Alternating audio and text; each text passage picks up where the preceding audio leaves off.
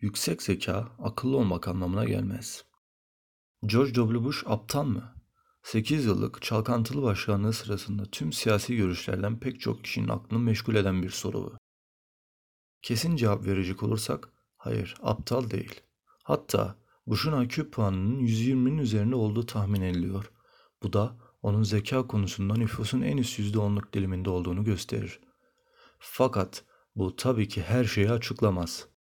Eski başkana sempati duyanlar bile onun bir zihinsel açıdan ve karar verici konumda bir kişi olarak değerlendirildiğinde o kadar yüksek zeka diliminde olmadığını kabul ediyordu.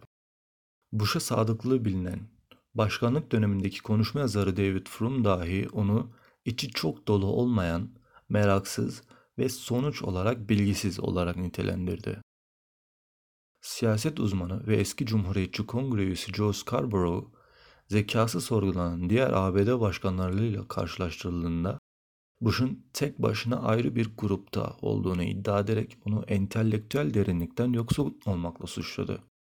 Bush'un kendisi bile düşünce şeklini tanımlarken çok analitik düşünmediği söylemişti. Peki Bush yüksek IQ'ya sahip ise böyle biri nasıl bu tür entelektüel eksikliklere sahip olabilir? Başka bir deyişle akıllı bir insan nasıl aptalca davranabilir?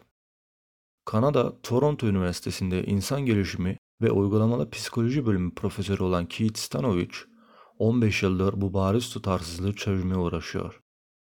Stanovich bu bağdaşmazlığın sandığımızdan çok daha fazla sayıda insan için geçerli olduğunu söylüyor.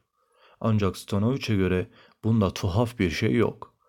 IQ testleri, mantık, soyut, akıl yürütme, öğrenme yeteneği ve çalışma belleği kapasitesi dahil olmak üzere belli başlı zihinsel yetenekleri ölçmek için mükemmel bir yoldur. Bu testler ne kadar bilgi aklınızda tutabileceğinizi gösterir. Fakat gerçek hayatın olağan akışında iyi kararlar vermek için gerekli olan çok önemli başkaca yeteneklerin ölçülmesi söz konusu olduğunda bu testlerin çuvalladığını söyleyebiliriz. Çünkü IQ testleri bir kişinin bilgiyi eleştirel bir şekilde tartma yeteneği veya kişi doğru karar vermeye çalışırken yanlış yöne gitmesine yol açabilecek bazı sezgisel, zihinsel önyargılarını aşabilme kapasitesi gibi şeyleri ölçemiyor. Yani daha açmak gerekirse gün içinde ne yiyeceğimizi seçerken paramızı dövize mi, gayrimenkule mi yatıracağımız konusunda düşünürken veya iş hayatında karşılaştığımız zorlu bir müşteriyle nasıl başa çıkacağımız gibi kararları vermek zorunda kalırken kullandığımız rasyonel düşünce türünden bahsediyoruz. Gittikçe karmaşıklaşan bir dünyada yolumuzu bulmak için rasyonel düşünmede iyi olmak zorundayız. Birçok araştırmacıya göre IQ testleri işte bu kabiliyeti ölçemiyor. Stanovich'e göre IQ testleri insanların bilişsel yeteneklerini ölçmek için hala elimizdeki en etkili yol. Ama henüz rasyonel düşünmeyi ölçmek konusunda IQ testlerinden istifade edemiyoruz. IQ testleri bilişsel işleyişin önemli bir alanını ölçer ve akademik ve iş hayatında başarıyı tahmin etmede orta derecede iyidir. Ancak eksiktirler. Bir kişinin iyi düşünme konusunda ihtiyacı olan tam teçhizatı ölçmek konusunda yeterli değiller diyor Stanovich. Yani IQ her şey değildir. Cambridge, Massachusetts'teki Harvard Eğitim Bilimleri lisansüstü bölümünde düşünme ve akıl yürütme becerileri üzerine çalışan David Perkins, IQ'yu açıklamak için şu örneği kullanıyor. Yüksek bir IQ, bir basketbol oyuncusunun boyu gibidir. Söylemek istediği şu, basketbol oyuncularının diğer her özelliğe eşit olduğunda boyu uzun olanın boyu bir avantaj haline gelir. IQ'yu da işte böyle ele almalıyız. Diğer her şeyin eşit olması çok önemli. Ama diğer her şey eşit değil. İyi bir basketçi olmak için uzun boylu olmaktan çok daha fazlası gerekir. Aynı şekilde iyi bir düşünme olmak için yüksek bir IQ'ya sahip olmaktan çok daha fazlası var diyor Perkins. Genel zeka olarak bilinen bir faktörü ölçmek için tasarlanan IQ testleri ve bunların yerine geçebilecek diğer testler birçok işletme tarafından en iyi adayların seçilmesine yardımcı olmak için kullanılır ve ayrıca liselere ve üniversitelere girişte öğrenci seçme sınavı şeklinde işlev görür. Yani üniversiteye yerleşebilmek için girdiğimiz sınavın bir IQ testi formu olduğunu söyleyebiliriz. Stanovich, Zeka Testlerinin Gözden Kaçırdığı Nedir isimli kitabında IQ testlerinin ABD'deki milyonlarca insanın akademik ve profesyonel kariyerlerini önemli ölçüde belirlediğinin altını çiziyor. Bilişsel işleyişin yalnızca sınırlı bir bölümün ölçtüğünü iddia ettiği bu tür testlere toplumun bol keseden ilgi vermesine karşı çıkıyor. İngiltere Plymouth Üniversitesi'nde bilişsel psikolog olan Jonathan Evans da IQ testleri gereğinden fazla kredi veriliyor ve bence çoğu psikolog buna katılacaktır diyor. Hakikaten IQ puanları bir kişinin belirli bir meslekte ne kadar başarılı olacağını tahmin edememelerinin yanı sıra bireyin çok yönlü zekasının seviyesini ortaya koymada da zayıf bir gösterge oldukları öne sürülerek uzun süredir eleştirilmiştir. Fosil bilimci Stephen Jay Gould, 1981'de The Mismeasure of Man'de genel zekanın sadece matematiksel bir yapaylık olduğunu ve kullanımının bilimsel olmadığını, kültürel ve sosyal açıdan da ayrımcı olduğunu iddia etti. Harvard Eğitim Enstitüsü'nden Howard Gardner, 25 yıldan fazla bir süredir bilişsel kapasitenin en iyi matematiksel, sözel, görsel mekansal, fizyolojik, naturalist, öz düşünümsel, sosyal ve müzikal yeteneklerin bütün açısından bakıldığında anlaşılabileceğini söylüyor. Yine de IQ testini eleştiren birçok kişinin aksine Stanovic ve diğer rasyonel düşünce araştırmacıları zekayı mental beceriler olarak nitelendirmekten rahatsız değiller. Bu zekayı yeniden tanımlamaya çalışmıyorlar. Bunun yerine zekanın ötesine geçen rasyonel düşünmenin temel araçları olarak tanımladıkları bilişsel, algısal kabiliyetlere dikkat çekmeye çalışıyorlar. Bu kabiliyetlerin yargılama ve karar vermede zeka kadar önemli olduğunu iddia ediyorlar. Evans, IQ akıllı olmanın sadece bir parçası diyor. Rasyonel düşünme yeteneğinin zekada ne kadar farklı olduğuna dair bir örnek olarak şu bulmacayı düşünelim. 5 adet 3 boyutlu yazıcımız var. Bu 5 makinenin 5 adet küçük alet üretmesi 5 dakika sürerse 100 makinenin 100 alet üretmesi ne kadar sürer? Çoğu insan içgüdüsel olarak doğru hissettiren yanlış cevabı atlayıp 100 der. Daha sonra cevabı değiştirmek isteseler bile bu tür ilk anda basitmiş gibi gelen ve ilk akla gelen cevapların yanlış olduğu sorulara genel kanının aksi cevapları olan sorular diyelim. Connecticut, New Haven'daki Yale İşletme Fakültesinden Shane Frederick, ABD'deki çeşitli kolej ve üniversitelerdeki yaklaşık 3400 öğrenciye bu ve benzer genel kanının aksine cevapları olan sorular sorduğunda bunların yalnızca %17'si sorulan 3 soruyu birden doğru cevapladı. Öğrencilerin üçte biri herhangi bir doğru cevap veremedi. Günlük hayatta bu üstteki örneğe benzer farklı formlara bürünmüş sorunlarla karşılaşıyoruz. Muhtemelen beynimiz bilgiyi işlemek için iki farklı sistem kullandığından dikkatli bir muhakeme yapmadan sorunları sıklıkla yanlış anlıyoruz. Beynimiz bilgiyi işlerken kullandığı iki sistemden birisi sezgisel ve spontane, diğeri ise üzerinde düşünerek yani bilinçli ve mantıklıdır. Her konuda bunlardan birisi daha iyidir demek yanlış olur. Bazı konularda sezgisel yol işinize gelebilir. Mesela özel hayatımızda potansiyel adaylar arasından partner seçerken veya çok fazla deneyime sahip olduğumuz durumlarda sezgilerimizi kullanabiliriz. Öte yandan farklı durumlarda sezgisel yol kararları bizi tongaya düşürebilir. Örneğin kendi ben merkezci bakış açımıza aşırı değer verdiğimizde olduğu gibi. Ölçüp biçerek karar verme yolu bilinçli problem çözmenin anahtarıdır. Ve sezgisel yol bizi yanlış yola sevk ediyor gibi görünüyorsa bu sezgisel eğilimlerimizi ve yargılarımızı aşmamıza yardımcı olabilir. IQ testleriyle ilgili sorun, akıl yürütme ve kısa süreli hafıza kullanımını kapsayan düşünceye dayalı becerilerimizi değerlendirmede etkili olmalarına rağmen bunları duruma dayalı ölçmemeleri yani durum gerektirdiğinde bunları kullanma eğilimimizi değerlendirememeleridir. Bu çok önemli bir ayrımdır. Princeton Üniversitesi'nden Daniel Kahneman'ın belirttiği gibi zeka beyin gücüyle ilgiliyken rasyonel düşünme kontrolle ilgilidir. Evans, entelektüel olarak yetenekli bazı insanlar analitik düşünce çok fazla girme zahmetine girmezler ve sezgilerine güvenmeye meylederler diye açıklıyor.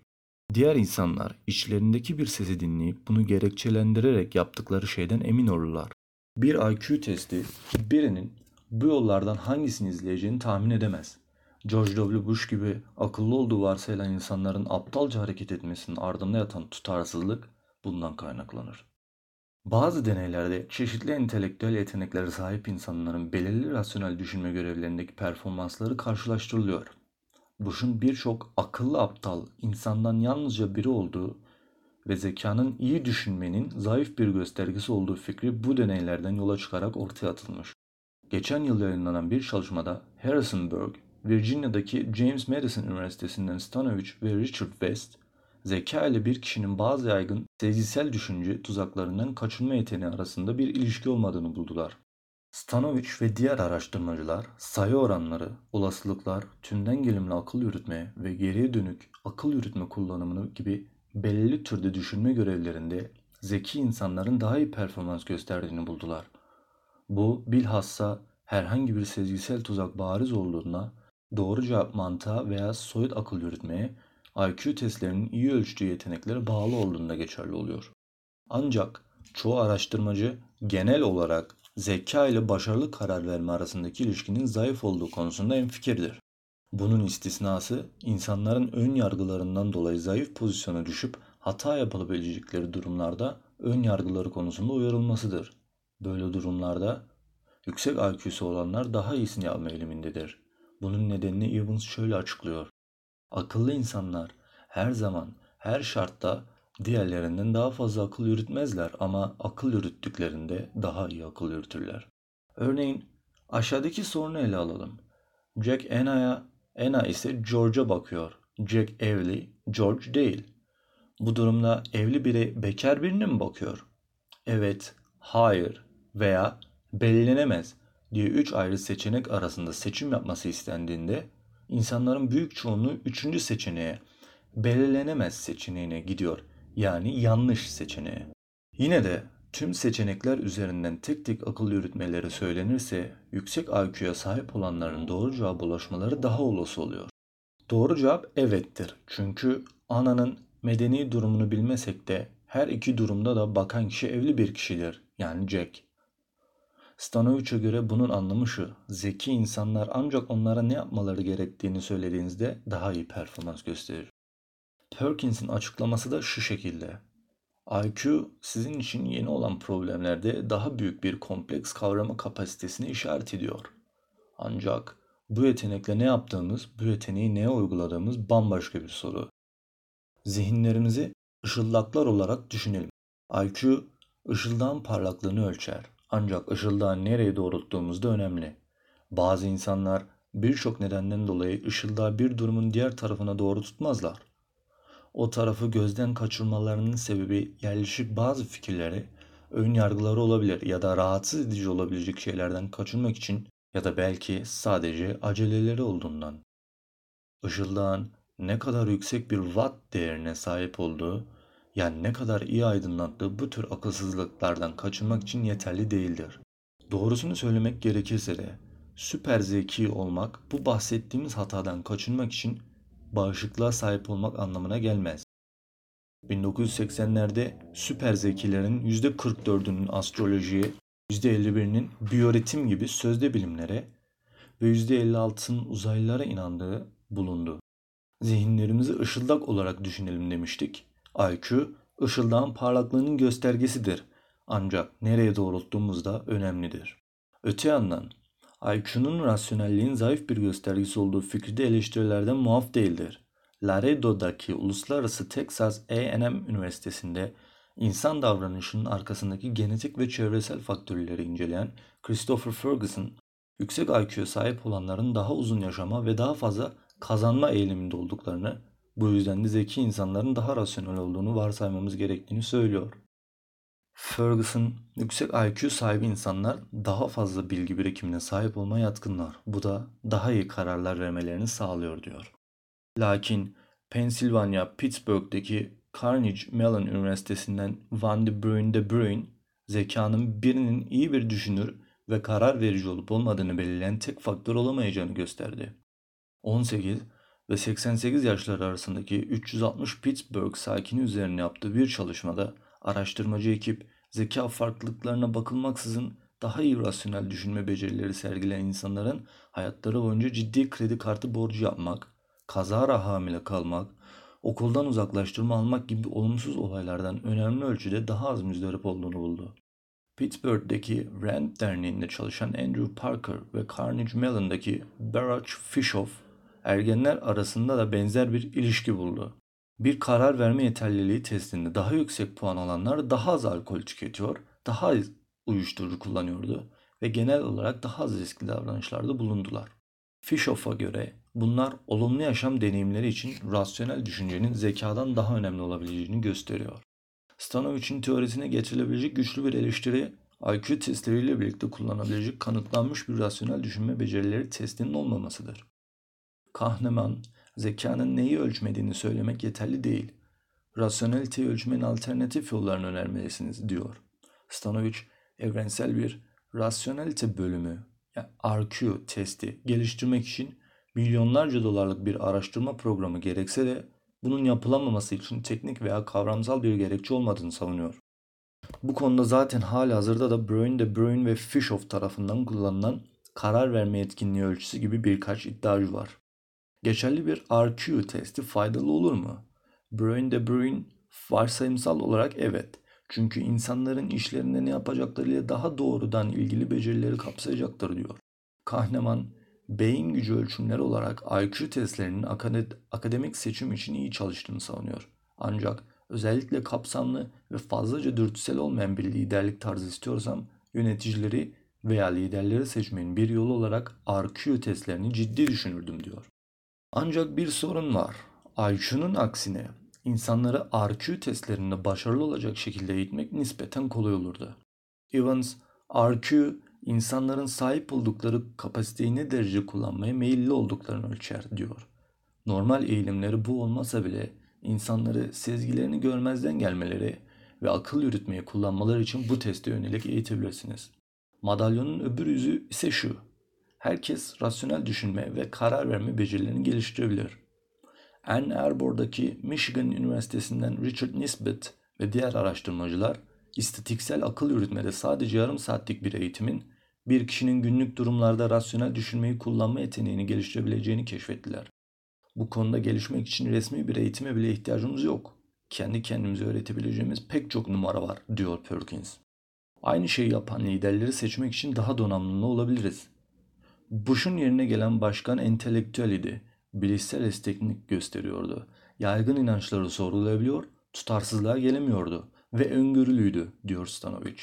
Rasyonel düşünme profiller açısından baktığımızda Bush ve Obama birbirinden son derece farklıydı. Bu arada Başkan Obama'nın IQ'su ortalamanın oldukça üzerindeydi. Ama hatırlarsanız yazının başında açıkladığımız üzere Bush'unki de öyleydi.